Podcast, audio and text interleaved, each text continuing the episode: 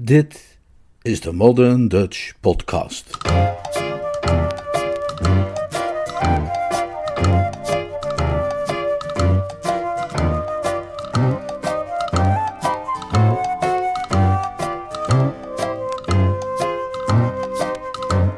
Jill the Musical.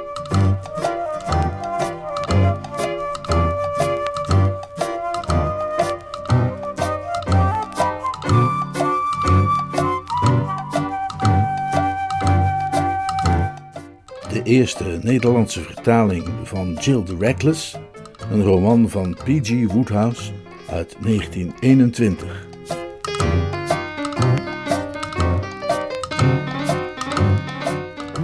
Vertaald en voorgelezen door Leonard Beuger.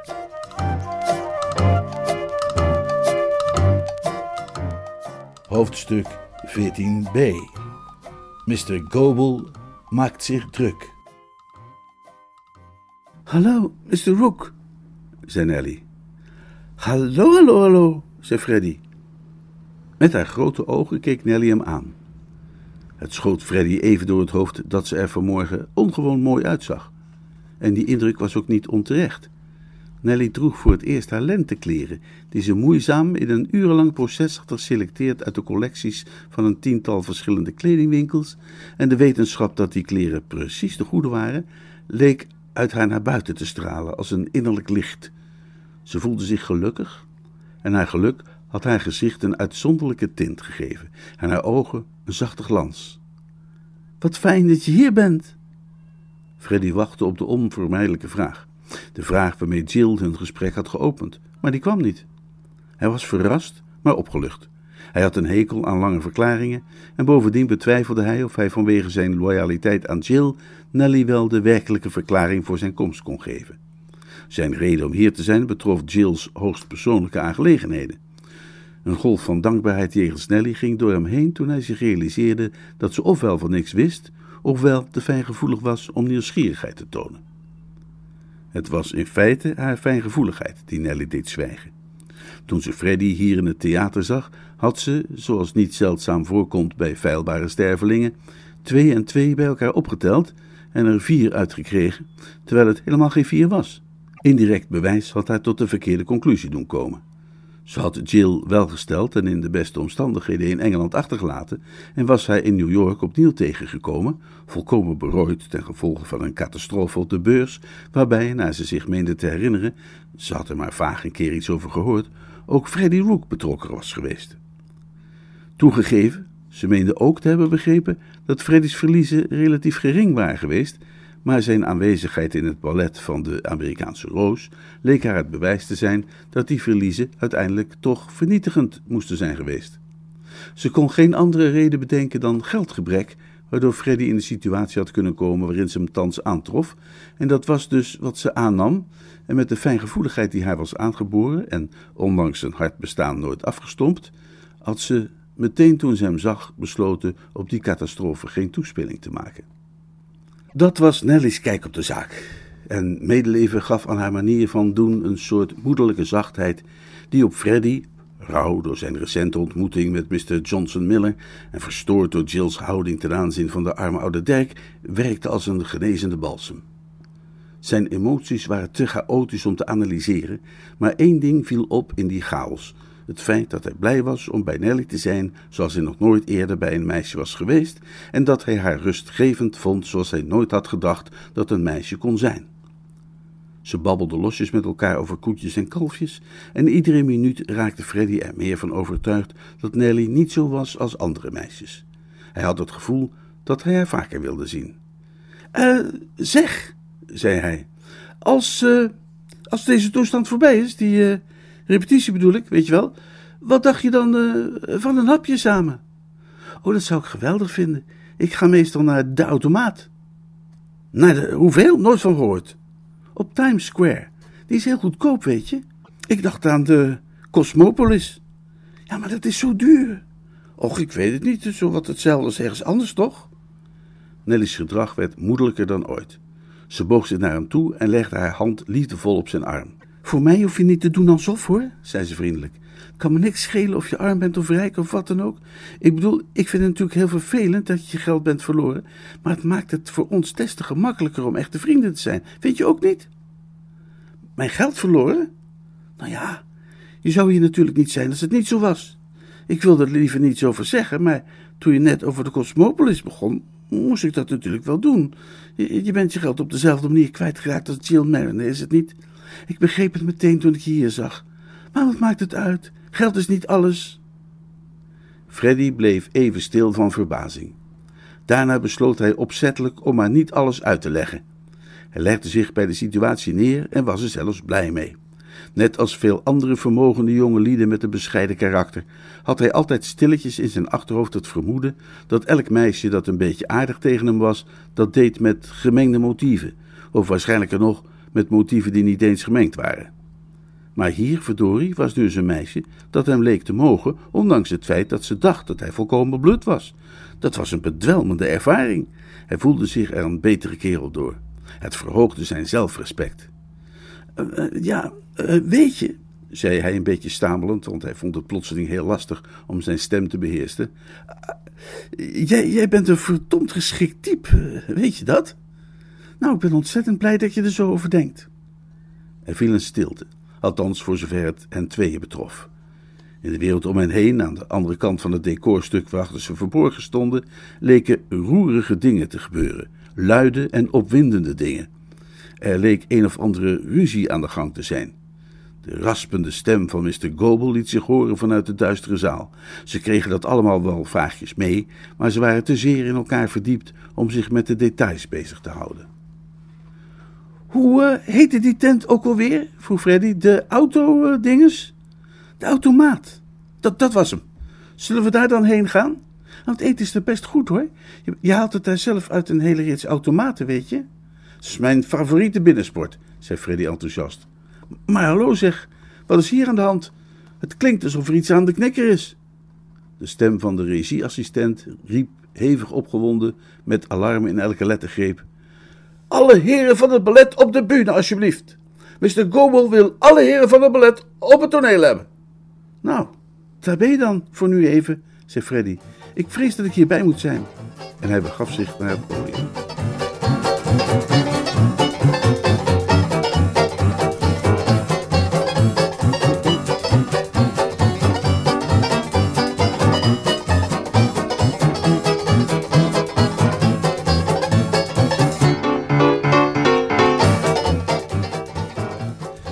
De stemming rond een musicalrepetitie heeft iets verraderlijks dat de edele gevoelens van degenen die erbij betrokken zijn ondermijnt. Betoverd door de milde schoonheid van de prachtige lentedag was Mr. Goble die ochtend in een uitstekend humeur naar Gotham Theater gekomen. Vastbesloten om de hele dag dat uitstekende humeur te bewaren. Vijf minuten van de Amerikaanse roos hadden hem echter teruggezet in de normaalstand en om tien over elf zat hij op zijn sigaar te kauwen en naar het podium te starogen, zonder nog de geringste mildheid in zijn ziel. Toen Wally Mason om kwart over elf arriveerde en naast hem neerplofte, ontving de manager hem met gegrom en verzuimde zelfs hem een sigaar aan te bieden. En als een theatermanager uit New York dat doet, is dat een onwankelbaar teken dat zijn humeur er slecht aan toe is. Het viel Mr. Goble te vergeven.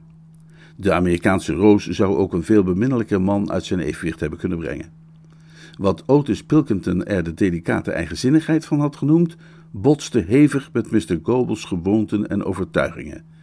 De wereld die hij kende, was die van de aloude, laagdrempelige muzikale komedie, waarin je na het openingsnummer het plot op een laag pitje zette en de rest van de avond vulde met nummers waarin je de meisjes kon laten schitteren in een assortiment van telkens andere exotische kostuums, afgewisseld met een paar goede revue-artiesten voor de grappen. Mr. Goebbels' idee van een musical was iets met afgerichte zeeleven, een stel acrobaten en twee of drie groepjes vaardige tapdansers, waarbij alles op het podium, van een boom tot een lampenkap, zomaar plotseling kon veranderen in een meisje van het ballet. De sobere intrigue van de Amerikaanse roos bezorgde hem een stekende koppijn. Hij had een gruwelijke hekel aan narratief en de Amerikaanse roos was een en al narratief. Waarom had de ongebolsterde Mr. Goble er dan mee ingestemd zich te gaan bezighouden met de productie van dit intellectuele toneelstuk? Omdat hij, net als alle andere impresario's en producenten in New York, met tussenpozen onderhevig was aan oprispingen van het idee dat de tijd rijp zou zijn voor een heropleving van de komische opera. Soms, tijdens de lunch in zijn favoriete hoekje van de Cosmopolis Grill Room, leunde hij over tafel en verzekerde een andere theatermanager toch vooral van hem aan te nemen dat de tijd rijp was voor een heropleving van de komische opera. Of, voorzichtiger, dat het beslist niet lang zou duren voordat de tijd rijp was voor een heropleving van de komische opera. En die andere theatermanager knikte dan met zijn hoofd en streek pijnzend langs zijn drie kinnen en gaf toe dat, zo zeker als twee keer twee vier is, de tijd wel eens verdomd snel rijp zou kunnen zijn voor een heropleving van de komische opera. En dan propten ze zich nog wat verder vol met calorierijk voedsel en staken dikke sigaren op en peinsden nog wat bespiegelend na. Bij de meeste managers gaan zulke oprispingen, die ook gezien kunnen worden als aanvallen van gewetensvoeging, net zo snel weer over als ze gekomen zijn. En gaan die managers gewoon in alle rust en tevredenheid verder met geld verdienen met lawaaiige muzikale comedies. Maar Otis Pilkington had Mr. Goble toevallig midden in zo'n oprisping geconfronteerd met het script van de Amerikaanse Roos en het geld voor de productie. En alle afspraken waren gemaakt en regelingen getroffen voordat het betreffende golfje van professionele gewetensvoeging was weggeëpt. Nu had hij evenwel spijt van zijn overhaaste daad. Zeg, luister eens, zei hij tegen Wally. Zijn blik op het toneel gericht en pratend vanuit zijn mondhoek. Jij, uh, je kunt maar beter met deze voorstelling meereizen tijdens de try-outs in de provincie. We hebben het later wel over de vergoeding. Maar we moeten hem in orde zien te krijgen. Maakt niet uit wat het kost, snap je? Denk je dat hij opgelad moet worden? Mr. Goble keek fronsend naar de beseffeloze acteurs, die zich op dat moment door een bijzonder droog stuk dialoog heen werkten. Opgelapt? Dat hele ding is fout. Er klopt geen hout van. Je zult het van begin tot eind moeten herschrijven. Nou, ik heb er wel ideeën voor. Ik heb het afgelopen zomer de amateurs zien spelen, weet je. Ik zou er gauw genoeg iets van kunnen maken als je dat wilt. Maar gaat de auteur dat goed vinden? Mr. Goble wendde een opvallend strijdlustige blik af van het podium en richtte die op Wally. Ja, luister eens. Die vindt alles goed, ik zeg. Ik ben het mannetje dat hier de bevelen geeft. Ik ben hier het grote haas.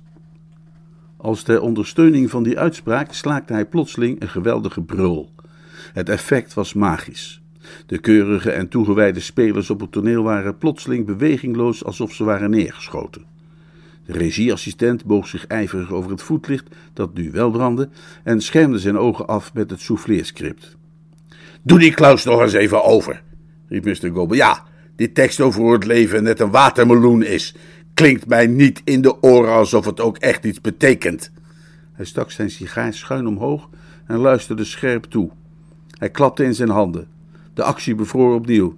Schrap dat, zei Mr. Goble kortaf. Die Klaus helemaal schrappen, Mr. Goble? vroeg de gedwee regieassistent. Ja, schrappen. Die betekent niks. Opgesprongen uit zijn stoel achterin, drentelde Mr. Pilkington door het gangpad naar voren, tot in het diepst gewond. Mr. Goble, Mr. Goble. Wat? Dat is het beste epigram uit het hele stuk. Het beste wat? Epigram. Het beste epigram uit het hele stuk. Mr. Goble klopte de as van zijn sigaar. Het publiek heeft geen behoefte aan epigrammen. Het publiek houdt niet van epigrammen. Ik zit al 15 jaar in de showbusiness en ik zeg je, van epigrammen krijgen ze pijn onder hun vestje. Oké, verder maar. Mr. Pilkington pruttelde opgewonden. Dit was zijn eerste ervaring met Mr. Goble in de hoedanigheid van regisseur. Het was diens gewoonte om de eerste paar repetities van de stukken waar hij aan werkte over te laten aan een assistent, die deed wat de heer Goble de opzet noemde. Die eenmaal achter de rug nam hij de regie persoonlijk over, maakte het meeste werk van zijn assistent ongedaan, bracht allerlei coupures aan, vertelde de acteurs hoe ze hun tekst moesten zeggen en amuseerde zich verder kostelijk. Stukken regisseren was Mr. Gobles hobby. Hij verbeelde zich dat hij een genie was op dat gebied en het was zinloos te proberen hem ertoe te brengen genomen beslissingen te wijzigen. Op degenen die het niet met hem eens waren, keek hij neer met de verheven minachting van een Oosters potentaat. Daar was de heer Pilkington nog niet van op de hoogte. Maar, Mr. Goble! De despoot draaide zich geïrriteerd naar hem om. Wat is het? Wat is het? Zie je niet dat ik bezig ben? Dat, dat epigram. Dat is eruit. Maar, maar, Dat is eruit. maar, maar, protesteerde Mr. Pilkington bijna in tranen. Ik heb toch zeker ook een stem? Ja, natuurlijk heb je een stem, antwoordde Mr. Goble. En die kun je overal gebruiken waar je wil, maar niet in mijn theater. Doe met die stem waar je zin in hebt. Hoepel eindje op en ga tegen jezelf staan praten. Of ga lekker in je bad zitten zingen. Maar laat hem hier niet horen, want ik ben het mannetje dat in dit theater al het gepraat verzorgt. Hm, doodmoe word ik van die keel, voegde hij er tegen Wally klagend aan toe, terwijl Mr. Pilkington zich terugtrok als een gefrustreerde python. Hij weet niks van theater en hij blijft er zich maar mee bemoeien en idiote suggesties doen. Hij zou hartstikke blij moeten zijn dat zijn eerste toneelstuk wordt uitgevoerd en niet de hele tijd moeten proberen mij te vertellen hoe ik het moet regisseren. Hij klapte dwingend in zijn handen. De regieassistent boog zich over het voetlicht. Wat zei die vent ook alweer? Lord Finchley's laatste Klaus, vandaar af? De speler die de rol van Lord Finchley had, een Engelse acteur gespecialiseerd in onnozele Londense kakkers, trok geïrriteerd zijn wenkbrauwen op. Net als Mr. Pilkington had hij Mr. Goble nooit eerder meegemaakt als regisseur en gewend aan de beschaafdere methodes van zijn geboorteland, ervoer hij die ervaring als een beproeving. Hij was nog niet bekomen van de onaangename schok dat die zin over die watermeloen uit zijn rol was geschrapt. Het was de enige goede zin, vond hij, die hij had. Elke regel die uit de rol van een acteur wordt geschrapt is trouwens altijd de enige goede regel die hij had. Die tekst over Omar Khayyam? vroeg hij met onderdrukte ergernis. Ik dacht al gehoord te hebben dat je het zo zei. Helemaal fout. Het is Omar van Khayyam. Oh, ik vrees dat Omar Khayyam toch de algemeen aanvaarde versie is van de naam van de dichter, zei de man die Lord Finchley gestalte gaf. Stop me, ezel, voegde hij binnensmonds aan toe. Je zegt Omar van Khayyam, brulde Mr. Goble. Wie runt deze voorstelling eigenlijk? Oh, zoals u wilt. Mr. Goble wendde zich tot Wally. Ja, die acteurs, begon hij toen Mr. Pilkington weer naast hem opdook. Mr. Goble, Mr. Goble. Ja, wat is er nou weer? Omar Khayyam was een Perzische dichter. Zijn naam was Khayyam. Dat heb ik altijd anders gehoord, zei Mr. Goble koppig. En jij? vroeg hij aan Wally. Ik dacht dat hij in Khayyam was geboren. Ja, je hebt waarschijnlijk helemaal gelijk, zei Wally, maar als dat zo is, heeft iedereen het verder al jaren bij het verkeerde eind. Meestal wordt aangenomen dat zijn naam Omar Khayyam luidde. Khayyam Omar J., geboren 1050 AD, studeerde aan de Universiteit van Bagdad, kwam uit voor Perzië op de Olympische Spelen van 1072 en won daar het koekhappen en het zaklopen. De Khayyams waren een welbekende familie in Bagdad en er werd veel schande van gesproken toen Omar, Mrs. Khayyams lievelingszoon, verslaafd raakte aan de drank en het schrijven van poëzie. Oorspronkelijk was de bedoeling geweest dat hij zijn vader zou opvolgen in de dadelhandel. Mr. Goble was onder de indruk. Hij had respect voor Wally's mening, want Wally had Dames gaan voorgeschreven en je moest dus zien wat een knalsucces dat was geweest. Hij onderbrak de repetitie opnieuw. Even terug naar die tekst over Kayan, onderbrak hij Lord Finchley midden in een zin. De acteur mompelde binnensmonds een stevige Engelse vloek. Hij was de vorige avond laat naar bed gegaan en ondanks het mooie weer voelde hij zich een beetje op het randje. In de woorden van Omar van Khayyam Mr. Goble klapte in zijn handen. Schrap dat van, zei hij. De voorstelling duurt sowieso te lang. En nadat hij die delicate kwestie al dus op meesterlijke wijze had afgehandeld, leunde hij achterover in zijn stoel en beet het uiteinde van een nieuwe sigaar. Een aantal minuten na dat incident verliep de repetitie soepel.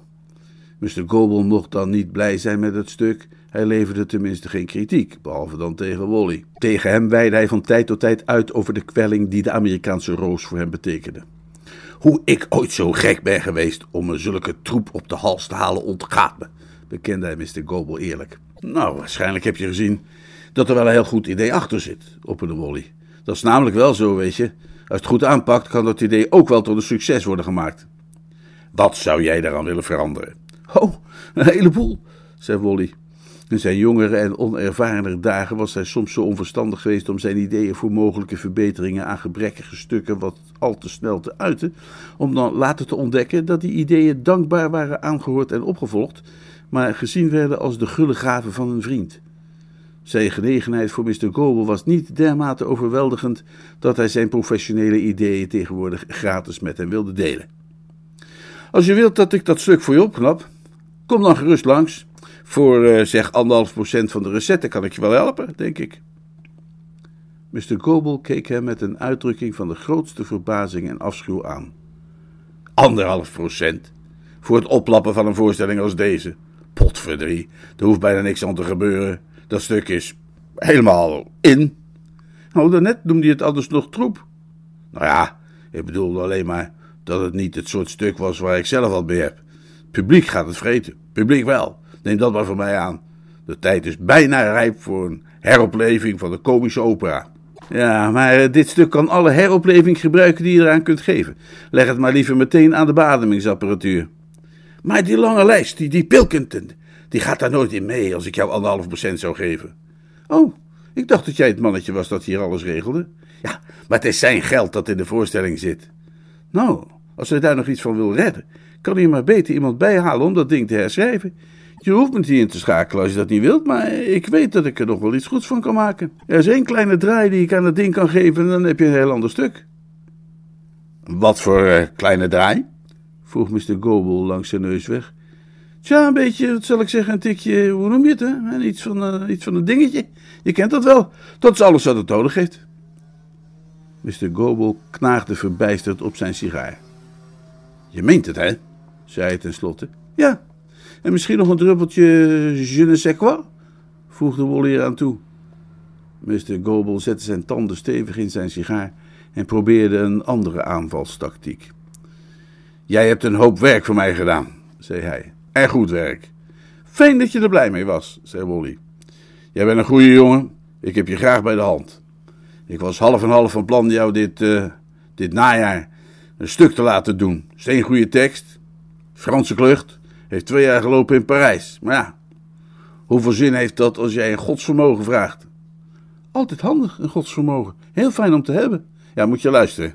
Als jij deze voorstelling opknapt voor een half procent, geef ik je dat Franse ding ook. Nou, je moet wel een beetje fatsoenlijk articuleren. Ik dacht even dat je een half procent zei, maar je zei natuurlijk anderhalf. Als je het niet voor een half procent doet, krijg je dat andere stuk niet. Geen probleem, zei Wally. Er zijn nog een heleboel andere producenten in New York. Heb je ze niet zien rondzwerven? Ondernemende types met een hoop geld. En ze zijn allemaal dol op me, als was ik hun zoon. Nou, maak er 1% van, zei Mr. Goble. Dan zal ik kijken of ik dat met Pilkington kan regelen. Anderhalf. Oh, sokker, ju.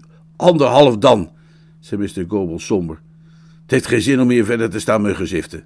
Een vergeten sport uit het verleden, dat muggenziften. Goed. Als je mij een kort geschrift stuurt van die strekking, leesbaar ondertekend met je naam, zal ik het naast mijn hart dragen. Aan ik gaan. Ik heb een afspraak. Tot ziens. Blij dat alles is geregeld tot ieders tevredenheid. Nadat Wally was vertrokken, bleef Mr. Goble nog een poosje ineengedoken in zijn stoel nors zitten roken. Zijn humeur minder zonnig dan ooit. Zijn normale omgeving was een kleine wereld van hielenlikkers en hij ergerde zich aan de nonchalante manier waarop Wally hem altijd behandelde. Er was iets in diens manier van doen dat hem soms haast geringschattend voorkwam. Hij betreurde de noodzaak hem in dienst te moeten nemen. Er was natuurlijk geen echte noodzaak om per se Wally in te huren. New York zat vol met librettisten die de klus even goed zouden hebben geklaard voor de helft van het geld. Maar zoals de meeste producenten beschikte Mr. Goble over het soort mentale vermogens van een schaap. Dames gaan voor was de jongste serieuze succesmusical in de New Yorkse theatergeschiedenis. Wally had die geschreven en dus was niemand anders dan Wally in staat om de Amerikaanse roos te herschrijven. Voor Mr. Goble was dat een onvermijdelijke wetmatigheid van het lot. Behalve stilletjes vast te stellen dat Wally een arrogante, zelfingenomen kwast was, viel er niets aan te doen. Na te hebben vastgesteld dat Wally zich pedant, aanmatigend en uit de hoogte gedroeg, maar zonder zich daardoor veel beter te voelen, concentreerde Mr. Goble zich weer op het podium. Tijdens het zakelijke gesprek dat zojuist was afgerond, was op het toneel van alles gebeurd. En zojuist was de ongelukkige Lord Finchley weer opgekomen voor een van zijn scènes. Mr. Goble bekeek Lord Finchley chagrijnig. Hij mocht hem niet en hij hield niet van de manier waarop hij zijn tekst zei. De rol van Lord Finchley was een niet-zingende rol, het was een karakterrol.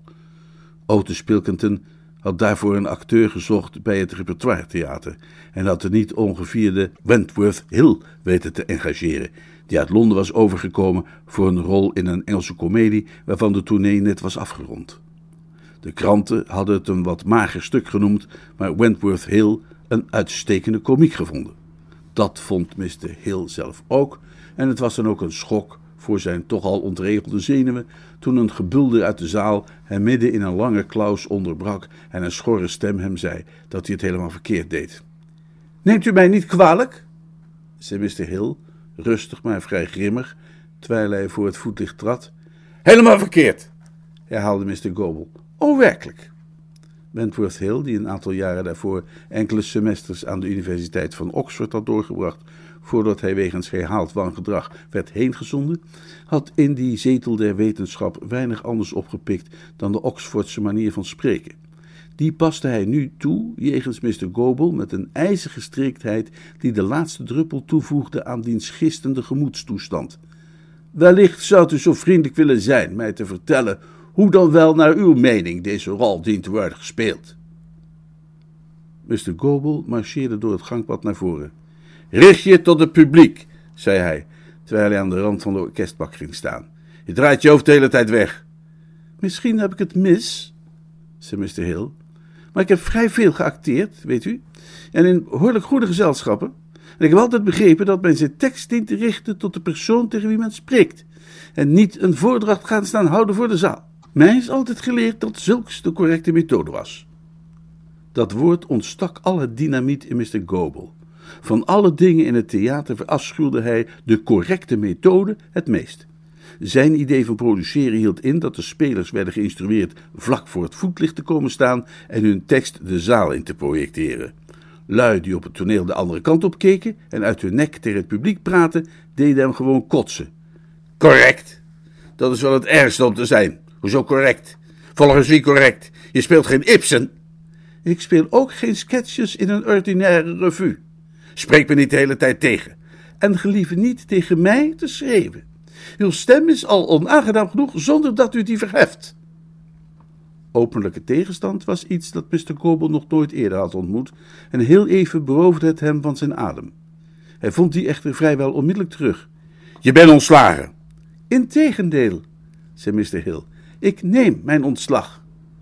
Hij haalde een groen gekaft tekstboekje uit zijn zak en overhandigde het met een hotelgebaar aan de bleke regieassistent. En oneindig veel eleganter dan het Freddy Rook gelukt was om onder supervisie van Johnson Miller naar voren te lopen op het toneel, liep hij het toneel af naar de uitgang. U zult stellig wel iemand vinden die de rol zal spelen volgens uw opvattingen. Ik zal wel iemand uit het ballet vragen, bulderde Mr. Goble tegen zijn uit het zicht verdwijnende rug. En die gaat het gegarandeerd een verdomd stuk beter spelen dan jij. Hij gebaarde naar de assistent-regisseur. Stuur die jongens van het ballet het toneel op. Alle heren van het ballet op de bühne, alsjeblieft, krijste de regieassistent en dook als een jachthond tussen de coulissen. Mr. Goble wil alle heren van het ballet op het toneel. Toen de zeven mannelijke leden van het ensemble van de Amerikaanse Roos zich onder zijn fonkelende blik bedeesd in een rij opstelden, was er heel even een moment dat Mr. Goble berouw kreeg van zijn dappere woorden. Het ongemakkelijke gevoel trof hem een ogenblik dat hij wellicht met zijn bluff te ver was gegaan en dat hij zijn woorden niet hard zou kunnen maken. Alle musicaldansers lijken precies op elkaar en tegelijkertijd nergens anders ter wereld op. Zelfs Mr. Goble, die op dat moment gaarne bereid was hun tekortkomingen over het hoofd te zien, kon zichzelf er niet van overtuigen dat in hun gelederen ook maar een half adequate Lord Finchley stond. En toen, juist op het moment dat zijn vurige bui een kille uitwerking leek te krijgen, bespeurde hij dat de voorzienigheid het al die tijd juist heel goed met hem had voorgehad. Daar, aan het uiterste einde van de rij, stond een jonge man die, wat zijn uiterlijk betrof, de ideale Lord Finchley was. In elk geval wat zijn uiterlijk betrof, een veel betere Lord Finchley dan de zojuist afgereisde Mr. Hill. Hij wenkte gebiedend. Jij daar achteraan. Ah, wie? Ik? zei de jonge man. Ja, jij. Hoe heet jij? Rook. Frederick Rook, weet je wel? Jij bent toch Engels, is het niet? Huh? Oh, ja, absoluut. Ooit wel eens een rol gespeeld? Uh, een rol? Oh, juist, ja. Ik begrijp wat je bedoelt. Nou ja, in amateurvoorstellingen, weet je wel, en dat soort gedoe. Zijn woorden klonken Mr. Gorbel als muziek in de oren. Hij had het gevoel dat zijn Napoleontische actie terecht was gebleken en met succes bekroond. Zijn woede was meteen gekoeld. Als hij had kunnen glunderen, zou hij misschien zelfs hebben gezegd dat hij naar Freddy glunderde. Nou, dan speel jij verder de rol van Lord Finchley. Kom vanmiddag maar naar mijn kantoor voor je contract. En nu iedereen die er niet op hoort, weer van het toneel. We hebben genoeg tijd verspild. Toen Freddy vijf minuten later tussen de coulissen door Nellie Bryant werd gefeliciteerd, kon hij toch nog uitpakken. Dat wordt vandaag dus niet de automaat, lijkt mij. Wat jij, hè? Nu ik een heuse ster ben en al dat soort dingen meer, gaan we dat niet meer doen. Meteen als dit straks is afgelopen, kuieren wij gezellig naar de Cosmopolis. Een klein feestje hoort hier helemaal bij, of niet soms? Precies. Kom aan, lieve kind, kom aan.